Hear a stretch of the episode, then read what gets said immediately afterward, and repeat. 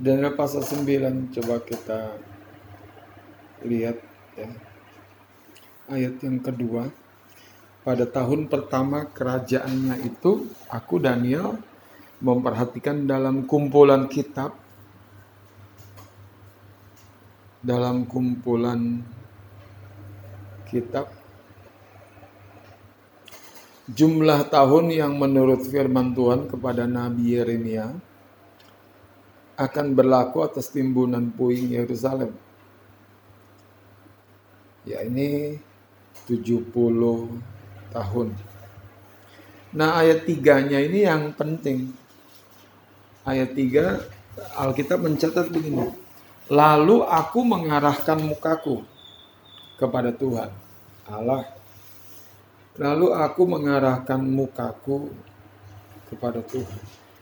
Jadi uh, Daniel menemukan di dalam kitab Yeremia bahwa ada 70 tahun yang akan berlaku atas timbunan puing Yerusalem. Ini bicara kehancuran Yerusalem.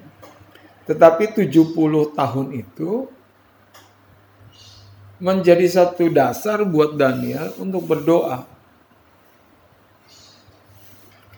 Kita tahu Daniel sedang berdoa untuk sebuah restorasi. Daniel sedang berdoa untuk sebuah pemulihan. Daniel sedang berdoa untuk bangsa Israel, umat Tuhan mengalami sebuah pemulihan. Nah, buat kita sebagai pendoa, apa dasar kita berdoa? Apa yang membuat kita berharap kepada Tuhan?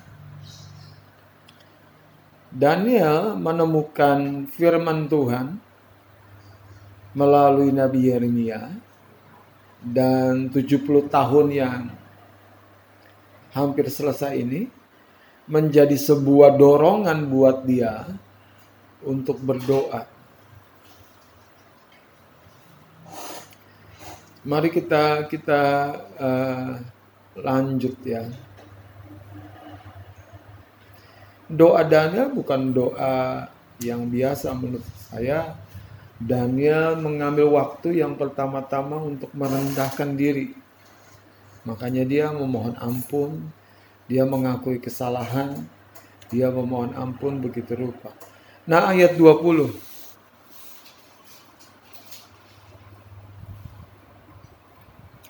Sementara aku berbicara dan berdoa dan mengaku dosaku dan dosa bangsaku, bangsa Israel dan menyampaikan kehadapan Tuhan Allahku permohonanku bagi gunung kudus Allahku. Sementara aku berbicara dalam doa, terbanglah dengan cepat ke arahku Gabriel.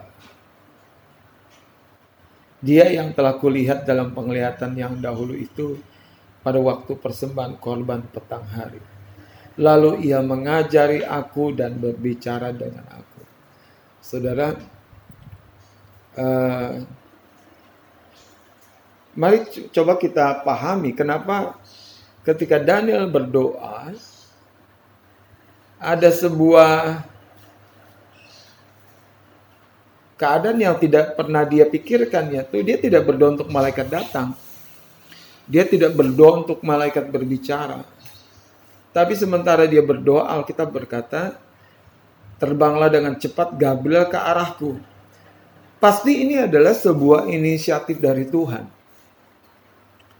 Makanya Daniel uh, Gabriel berkata begini ayat 22. Lalu ia mengajari aku dan berbicara dengan aku Daniel, sekarang aku datang untuk memberi akal budi kepadamu untuk mengerti. Ternyata Saudara, level doa kita tuh ditentukan sekali dari akal budi dan pengertian kita. Makanya yang Gabriel lakukan bukan menjawab doanya Daniel, tapi memberi akal budi dan pengertian. Ternyata banyak doa kita menjadi seperti berputar-putar karena akal budi dan pengertian kita yang tidak selaras dengan Tuhan. Waktu Daniel berdoa, berpuasa, yang datang kepada Daniel bukannya jawaban doa, tapi sebuah proses yang menjadi begitu penting di hadapan Tuhan men, uh, menjadi suatu proses yang rasanya lebih tinggi nilainya ketimbang jawaban doanya yaitu Tuhan memberikan akal budi dan pengertian melalui Gabriel kepada Daniel. Lihat ayat 23. Ketika engkau mulai menyampaikan permohonan, keluarlah suatu firman. Jadi begini, sering kali tuntunan Tuhan, jawaban Tuhan itu berbentuk akal budi dan pengertian. Jadi kita kadang-kadang mengabaikan pengertian yang muncul. Padahal itu Tuhan sedang mengarahkan. Itulah yang akan membuat doa kita mencapai hasilnya.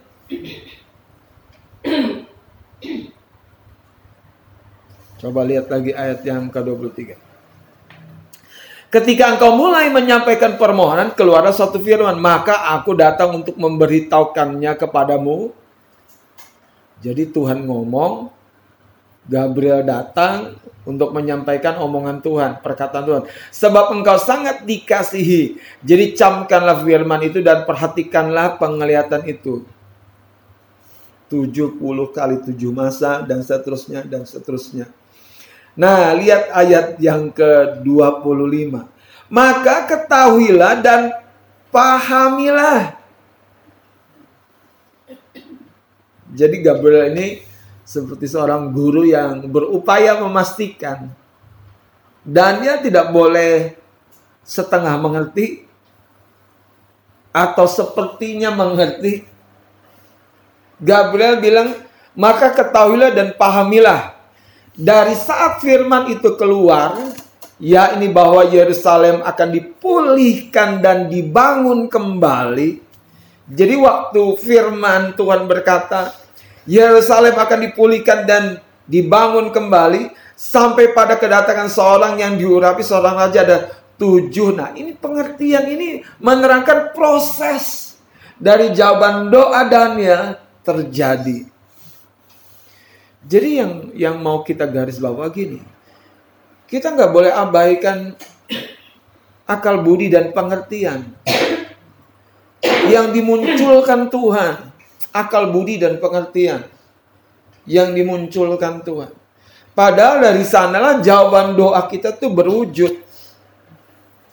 Dari sanalah jawaban doa kita karena kita nih sudah sudah terjebak dengan hal-hal yang instan. Maunya Tuhan intervensi dari langit. Padahal Tuhan mengintervensi hidup kita melalui hamba-hambanya. Ketika umat Tuhan berteriak dalam penderitaannya, dalam kesakitannya, dalam uh, apa namanya, di mana musuh menghancurkan ladang mereka, dibangkitkan apa? Seorang hakim. Jadi nggak tiba-tiba dari langit turun batu-batu menghabisi musuh-musuh orang Israel itu. Dari sini harusnya kita mulai mengerti bahwa kita yang sering kali mengkondisikan pikiran kita. Tuhan jawabnya begini. Contohnya kita berdoa supaya berkat Tuhan melimpah. Nah, pikiran kita ini yang kadang-kadang apa maunya instan dan mengabaikan akal budi dan pengertian yang Tuhan mau beri. Bahkan yang unik kadang-kadang untuk menyampaikan akal budi dan pengertian yang memang Tuhan beri itu, Tuhan pakai instrumen lain. Tuhan pakai instrumen lain. Dan kadang-kadang instrumennya yang kita tidak duga. Tapi semuanya untuk menjawab doa kita. Nah, lihat ayat 25 bagian awalnya. Ini hal-hal yang mungkin sebelumnya kita kurang perhatikan. Gabriel berkata, maka ketahuilah dan pahamilah.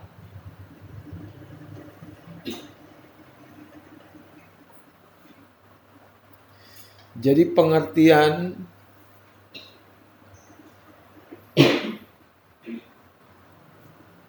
Coba ayat 22-nya mundur.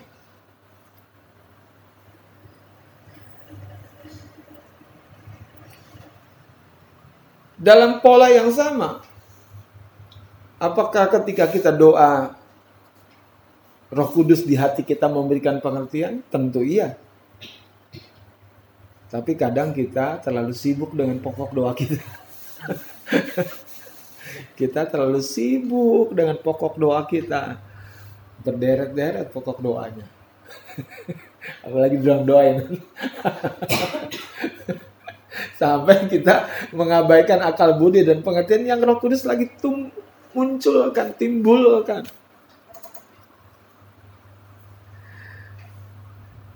Lihat ayat yang ke-22. Lalu ia mengajari aku. Ini kata-kata ini bukan sembari ditulis dan sembarangan ditulis. Kata-kata ini menerangkan ada butuh waktu, butuh ketenangan, butuh kesiapan. Makanya ketika Samuel di bait Allah, Tuhan memanggil Samuel, Samuel, berbicaralah karena hamba manusia. Jadi kita butuh kesiapan juga untuk mendengar, untuk diajari. Kesiapan untuk diajari. Apa sih kesiapan untuk diajari? Fokus. Fokusnya jangan salah. Fokusnya jangan jawaban doa. Tapi fokusnya ya Tuhannya.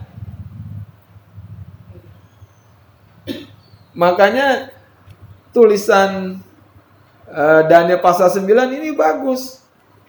Itu dimulai dari tadi ayat yang kita baca ayat 3, lalu aku mengarahkan mukaku kepada Tuhan. Mengarahkan mukaku kepada Tuhan. Ini juga kan yang eh, oleh Habakuk di pengintaiannya. Apa jawaban?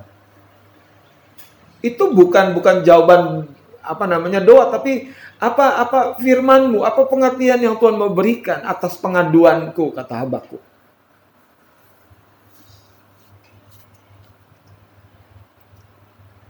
dari sinilah kita akan makin mengerti Tuhan kita memang menjawab doa kita cuman kadang-kadang pengertian kita tuh masih berseberangan dengan dia makanya dia butuh tahap yang pertama memberi pengertian dan akal budi jadi doa yang paling penting buat kita hari ini.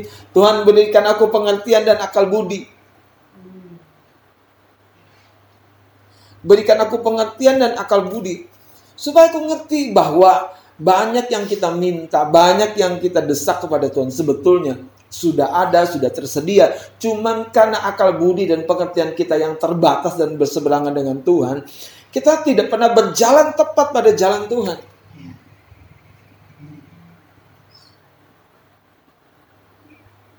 kita kita begitu dimungkinkan untuk di apa namanya di disesatkan oleh roh-roh dunia ini. Karena mungkin ada kemauan-kemauan di hati kita yang salah juga. Ayat 22, lalu ia mengajari aku. Bahasa ini unik. Bukan ia berbicara, tapi ia mengajari aku. Jadi kepentingan Gabriel yang berdiri di hadapan Tuhan, yang melayani Allah. Tuhan yang merespon doa Daniel, itu merespon pertama dengan memberikan akal budi dan pengertian. Makanya kalau keluar dari ruang doa masih apa muka ditekuk, bingung dan kalau ditanya Tuhan ngomong apa? Kayaknya ketinggian padahal nggak ketinggian sih. Cuman bahasanya harus lebih lebih mendarat. Apa yang timbul di hati kamu? Gak usah pakai bahasa Tuhan deh apa yang timbul di hati kamu. Kadang bayangkan jiwa baru Tuhan ngomong Tuhan ngomong ngomong saya ngomong. Terus karena memang benar kadang-kadang kita ketinggian Tuhan ngomong apa? Kan nggak ngomong bang. Saya aja ngomong. Terus Padahal kita sendiri belum ngerti kalau Tuhan ngomong gimana caranya. Iya,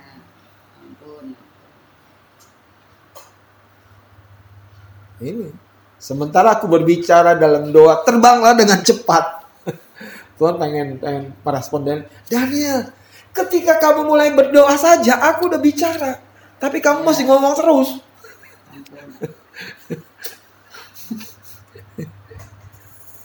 Lalu ia mengajari aku. Coba lihat ayat 23-nya, benar gak sih? Ketika engkau mulai menyampaikan permohonan, keluarlah suatu firman. Nah ini yang menarik saudara. Gabriel memakai ungkapan suatu firman. Jadi gini, kadang-kadang Tuhan berbicara, kedengarannya itu seperti sebuah gemuruh. Tapi di dalam gemuruh itu banyak sekali terkandung perkataan. Namanya juga di alam roh perkataannya kadang-kadang itu bukan suara tapi perkataan bentuknya seperti dikompres. Keluar. Tapi waktu Tuhan membuka mulut itu semua kitab ada di situ. Hmm. itu kedahsyatannya Tuhan. Mari kita buka sekarang um,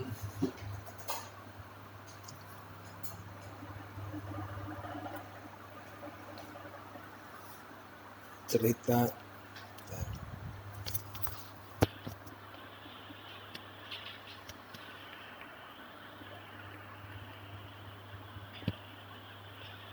dari dua tarik pasal yang ke-20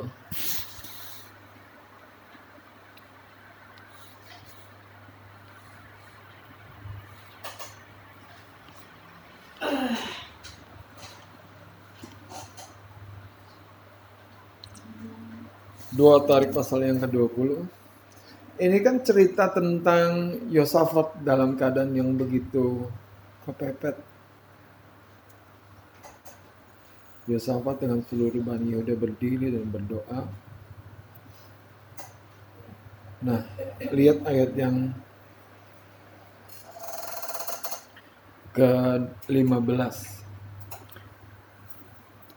Eh, Yahzia bin Zakaria dipenuhi roh dan berbicara ini bukan malaikat ya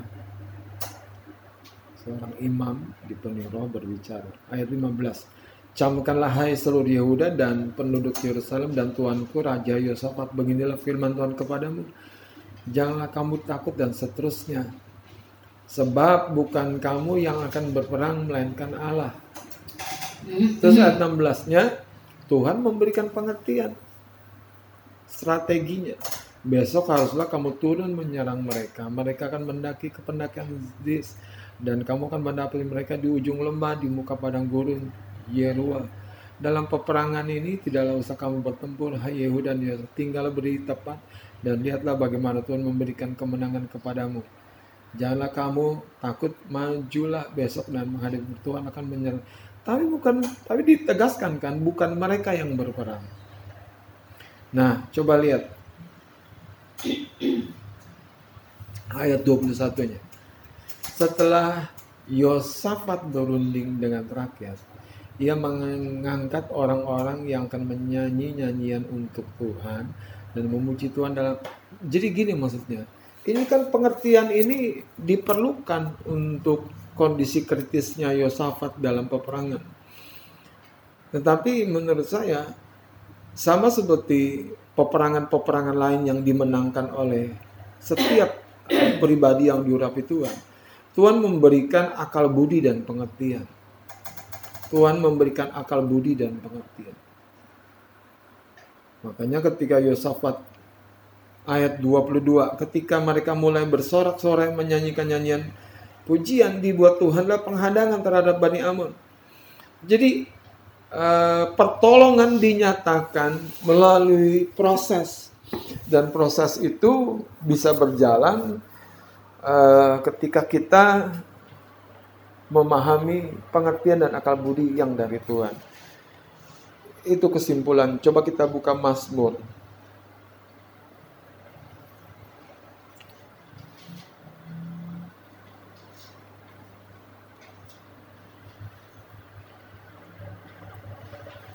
32 ayat yang ke-8.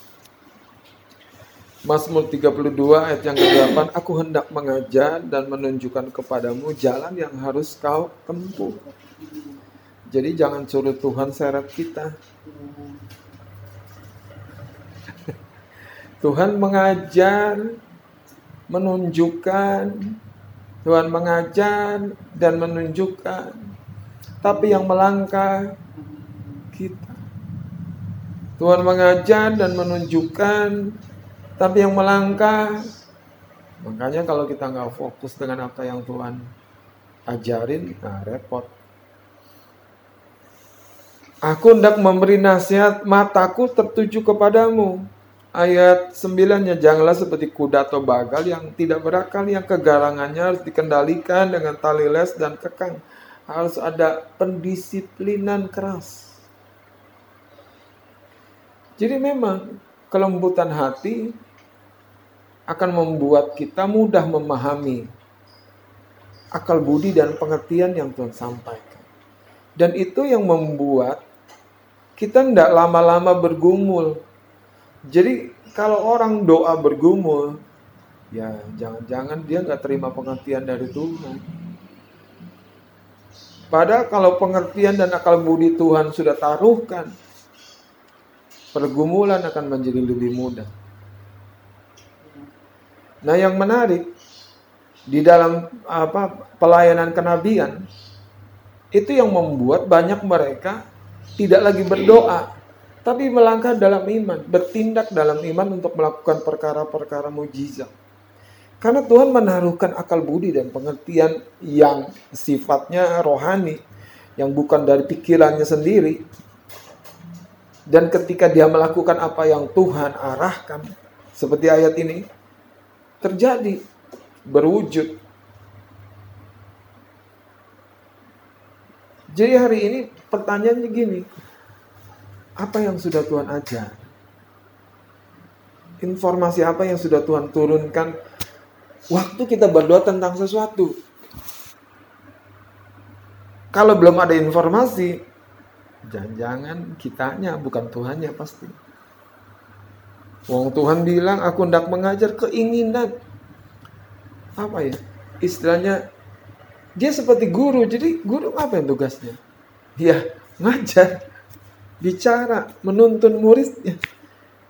Tapi masalah dari 30 anak ada yang tinggal kelas, ada yang drop out, itu bukan masalah gurunya terutama. Bagaimana respon. Jadi mari pahami apa yang menjadi apa ya. Yang paling penting waktu kita berdoa. Kita harus punya hati yang lembut, yang siap diajari. Nah kalau Tuhan mulai mengajar, kita percayai saja. Pergumulan kita, masalah kita, jawaban doa kita ada di sana. Ada di sana. Yesus itu makanya kadang-kadang suka gemes sama orang-orang yang berjalan bersama dengan dia. Dia berulang-ulang berkata, bukankah telah kukatakan? Bukankah telah kukatakan? Itu artinya banyak murid-murid yang berjalan bersama dengan dia, bersisian dengan dia, makan bersama dengan dia, kadang-kadang tidak menyimak. Tidak menyimak. Nah, kenapa tidak menyimak?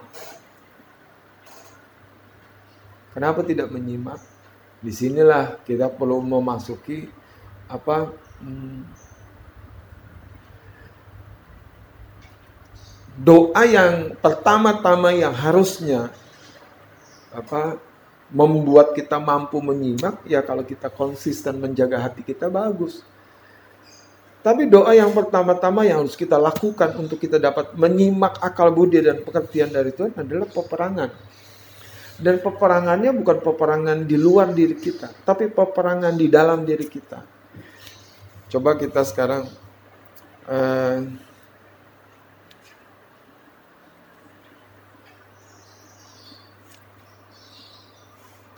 buka satu raja-raja.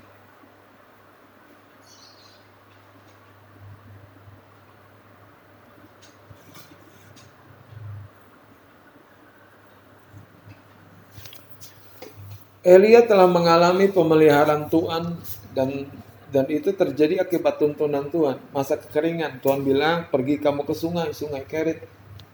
Dari sana airnya tuh pasti air yang jernih, sungai yang bagus untuk diminum. Dan dan Tuhan kirimkan burung untuk membawa makanan. Tapi tapi gini, kalau kita doa untuk pemeliharaan Tuhan, doa untuk mujizat berkat, kita harus mengerti arahan Tuhan Coba lihat Satu Raja-Raja uh, 17 ayat 7. Kenapa Tuhan nggak munculkan kendi roti di depan Elia pada waktu sungai kering? Ayat 7-nya. Tetapi sesudah beberapa waktu sungai itu menjadi kering sebab hujan tiada turun di negeri itu maka datanglah firman Tuhan kepada Elia bersiaplah pergi ke Sarfat yang termasuk wilayah Sidon dan diamlah di sana ketahuilah aku telah memerintahkan seorang janda untuk memberi engkau makan. Saudara, Tuhan itu penuh informasi loh. Jadi jangan sekedar Tuhan penuh kuasa. Tuhan penuh keajaiban. Tuhan penuh informasi. Kita yang males kadang-kadang menyimak informasi. Coba lihat cerita ini saudara. Waktu sungai kering, jangan takut. Satu bisnis kita kering, ah, next step, next season, musim berikutnya, langkah berikutnya. Jangan stuck di sana, jangan berhenti di sana. Kalau kamu berdoa, perhatikan apa yang dimunculkan Tuhan. Dan gini saudara, ini yang menarik gini. Tuhan dia kan gembala yang ngomong dengan dombanya. Jadi dia tidak melakukan sesuatu di luar tanpa dia ngomong. Kadang kita tuh salah pengertian, nanti Tuhan lakukan sesuatu dan dia nggak pernah bilang sama kita siapa.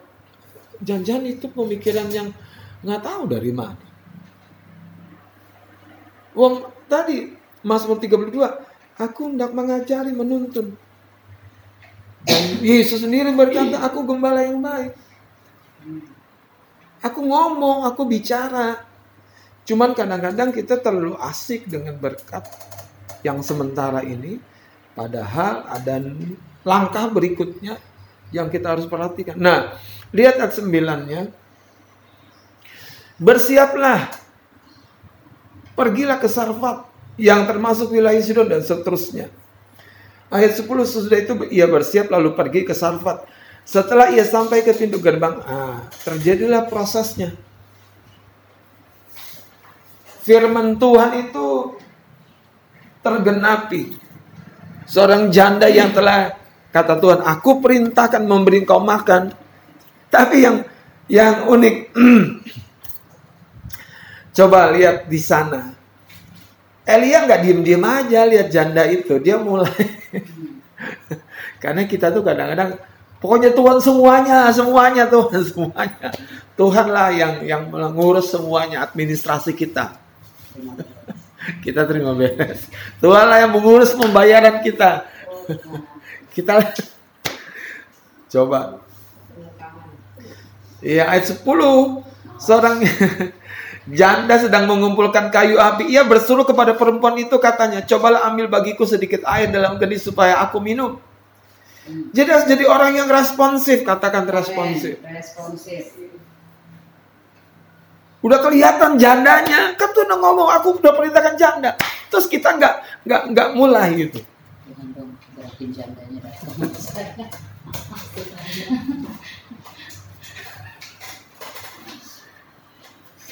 Coba lihat lagi ayat yang uh, ke-11 ketika perempuan itu pergi mengambilnya kan diminta minum. Ia berseru lagi. Cobalah ambil juga bagiku sepotong roti.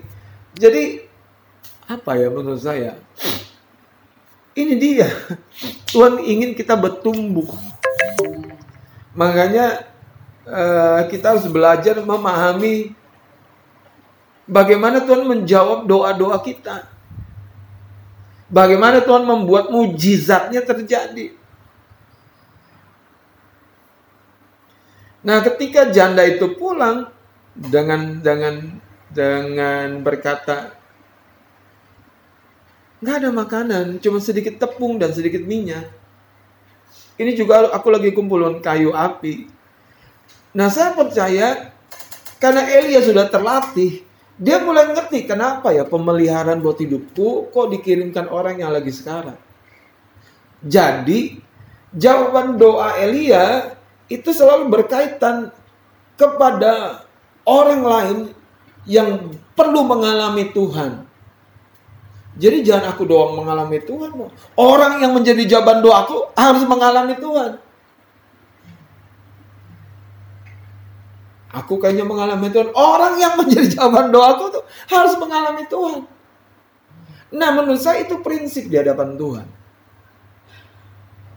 Kita harus ngerti cara kerja Tuhan di sini. Pengertian-pengertian inilah yang sebetulnya perlu buat kita ketika kita berinteraksi, berinteraksi. Makanya kita harus jadi orang yang apa ya? Kayak, kayak Daud gitu, biasa memuji menyembah Tuhan. Sehingga fokusnya bukan masalah. Fokusnya bukan tugas, fokusnya bukan perintah bapaknya, fokusnya bukannya apa dan lain tapi karena dia biasa memuji menyembah Tuhan jadi hati dan pikirannya tidak ditaklukkan oleh kata-kata Saul yang berkata kamu masih muda anak muda kamu masih terlalu junior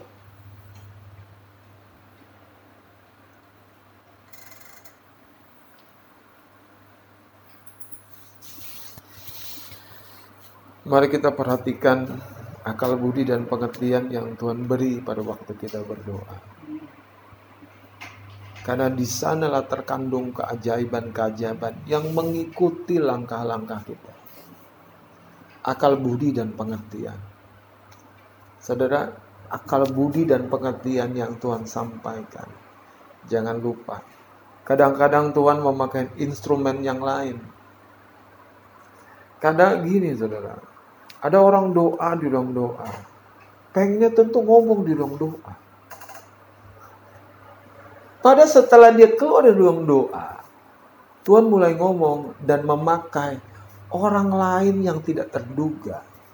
Yang menyampaikan pengertian-pengertian sama kita. Dan kita bilang, itu bukan dari Tuhan. itu bukan dari Tuhan. Jadi itulah nah, makanya gitu hati kita nggak tertuju sama Tuhan yang sesungguhnya hati kita cuma tertuju kepada jawaban doa pada Tuhan ngomong Tuhan ngomong Tuhan ngomong Tuhan bicara Tuhan menuntun kita di ruang doa doa doa doa doa mengucap syukur dengan percaya dengan iman siapkan hati untuk menerima akal budi dan pengertian. Karena tidak mungkin Tuhan tidak menjawab doa kita. Bahkan kadang-kadang yang paling paling apa ya namanya uh, menyedihkan. Untuk Tuhan menjawab doa kita, Tuhan harus menginterupsi doa kita. Berhenti kamu doa. Aku yang ngomong. Untuk Tuhan menjawab doa kita, Tuhan harus menginterupsi doa kita. Bukan doa lagi, sekarang buka telinga. Aku akan memberi kamu pengertian. Nah yang terakhir, ini pengalaman Elia ini banyak nih, kaya sekali. Saudara nggak usah kita buka ayatnya. Waktu Elia tenggelam di dalam apa namanya melonya itu, terjadi setelah dia melakukan pelayanan besar. Dia merasa sendiri. Yang saya maksud peperangan itu, itu tadi. Apa yang menaungi hati dan pikiran kita itu yang lebih penting kita perangi. Keputusasaan, ketakutan, kecemasan, kekhawatiran, perasaan sendiri, perasaan gak berharga, Nah kalau itu kita udah taklukkan, sebetulnya doa itu bukan lagi seperti sebuah apa namanya keharusan. Karena kehidupan kita ini adalah doa. Hubungan, doa itu hubungan. Jadi bukan doa mau masuk kamar, baru Tuhan ngomong. Baru kita ngomong sama Tuhan. Padahal yang menghalangi Tuhan ngomong tadi. Elia perlu dibawa melintasi padang gurun. Elia perlu dibawa sampai di satu titik yang paling kritis. Dan dia memutuskan bersembunyi di dalam goa. Dan ketika Tuhan melakukan hal-hal yang besar, apa yang menghalangi Elia mendengar dan memahami pikirannya Tuhan, yaitu tadi, tinggal aku sendiri, tinggal aku sendiri. Jadi pikiran dia sendiri itu Nah itulah sebetulnya kebutuhan yang paling utama untuk kita doakan, untuk kita patahkan, kita hancurkan. Supaya jangan sampai waktu Tuhan ngomong menjawab kebutuhan kita yang yang yang yang lebih besar itu tentang dana kah tentang apa kita nggak bisa menangkap karena tadi tinggal aku sendiri pada akhirnya Tuhan membuka Elia berhenti kamu nggak tahu aku masih memisahkan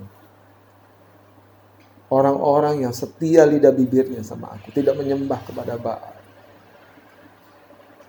Saya sendiri kalau renungkan ini artinya apa?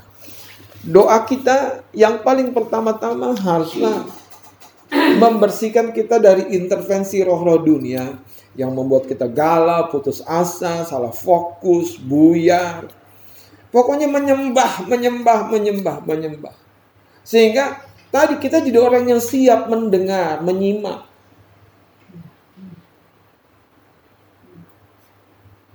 Pastor Johnson Franklin berkata begini. Menurut Anda, apa yang Adam doakan kepada Tuhan ketika di Taman Eden? Apa yang Adam doakan? Gak ada pergumulan. Gak ada masalah anak. Gak ada masalah pekerjaan. Gak ada masalah sosial politik. Gak ada demo. Gak ada doa bagi negeri. Butuh uang? Gak ada. Gak ada istilah uang di situ. Semua makanan berlimpah-limpah tersedia. Apa yang dia doakan? Pastor Johnson Franklin bilang begini. Jadi sebetulnya doa yang sesungguhnya adalah fellowship kita dengan Tuhan. Makanya ketika hari sejuk itu Tuhan melangkah. Dan dia bilang ini, kenapa Tuhan melangkah? Banyak orang maunya terburu-buru, cepat-cepat. dan Tuhan melangkah di taman itu, artinya memang itulah doa. Itulah fellowship kita dengan Tuhan. Iya kita butuh mengasingkan diri. Tapi lihat Tuhan Yesus. Kenapa mengasingkan diri? Ya karena memang mengasingkan diri. Tapi bukan berarti ber, ketika dalam keramaian dia tidak bisa berdoa kepada Bapaknya. Tapi untuk berfellowship. Itulah doa yang sesungguhnya. Makanya ya juga ya di Taman Eden apa yang didoain selain berfellowship bersekutu dengan Tuhan. Gak ada gak ada kekhawatiran. Khawatir apa? Gak ada pergumulan.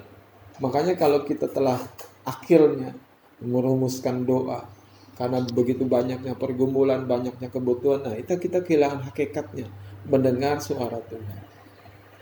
Kenapa?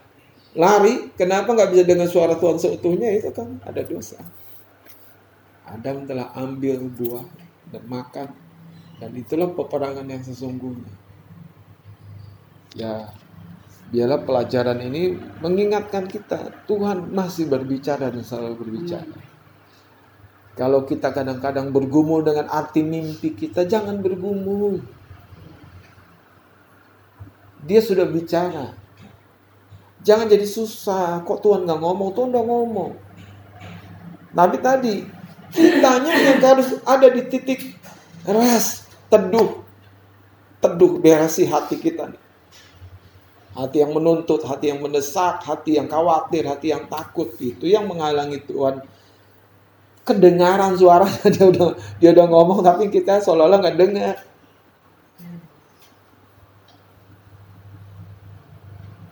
makanya hari ini ya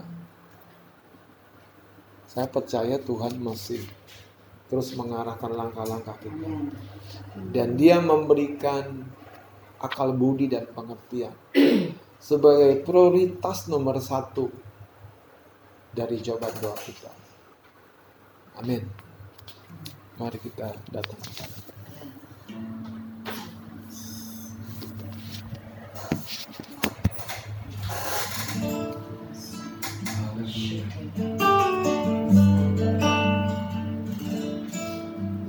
Firmanmu berkata kau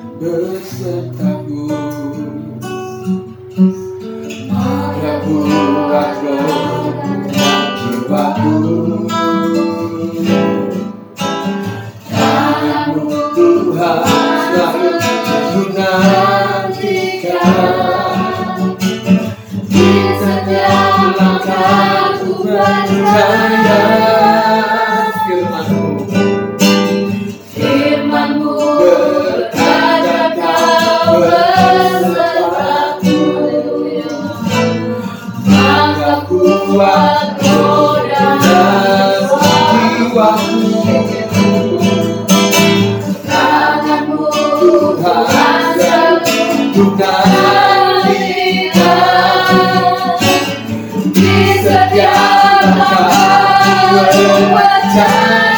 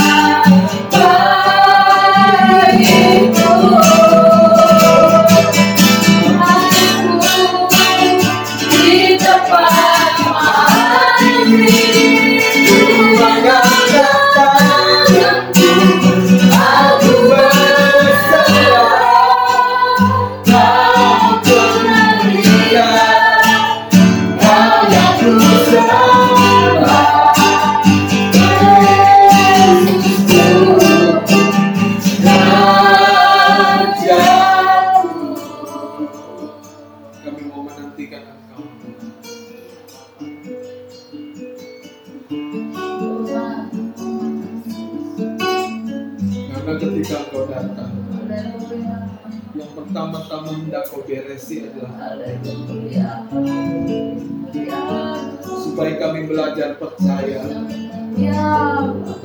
hidup di dalam Perkataan-perkataan Betapa engkau Tuhan yang Selalu siap sedia menyelesaikan pergumulan kami. Pagi hari Biarlah kami menjadi pribadi yang siap sedia mendengar perkataan Menerima akal budi dan pengertian. Kita bersyukur makan bahagia Berikan kepada kami Keteduhan. Untuk kami mampu menyimak akal budi dan pengertian yang hendak kau beri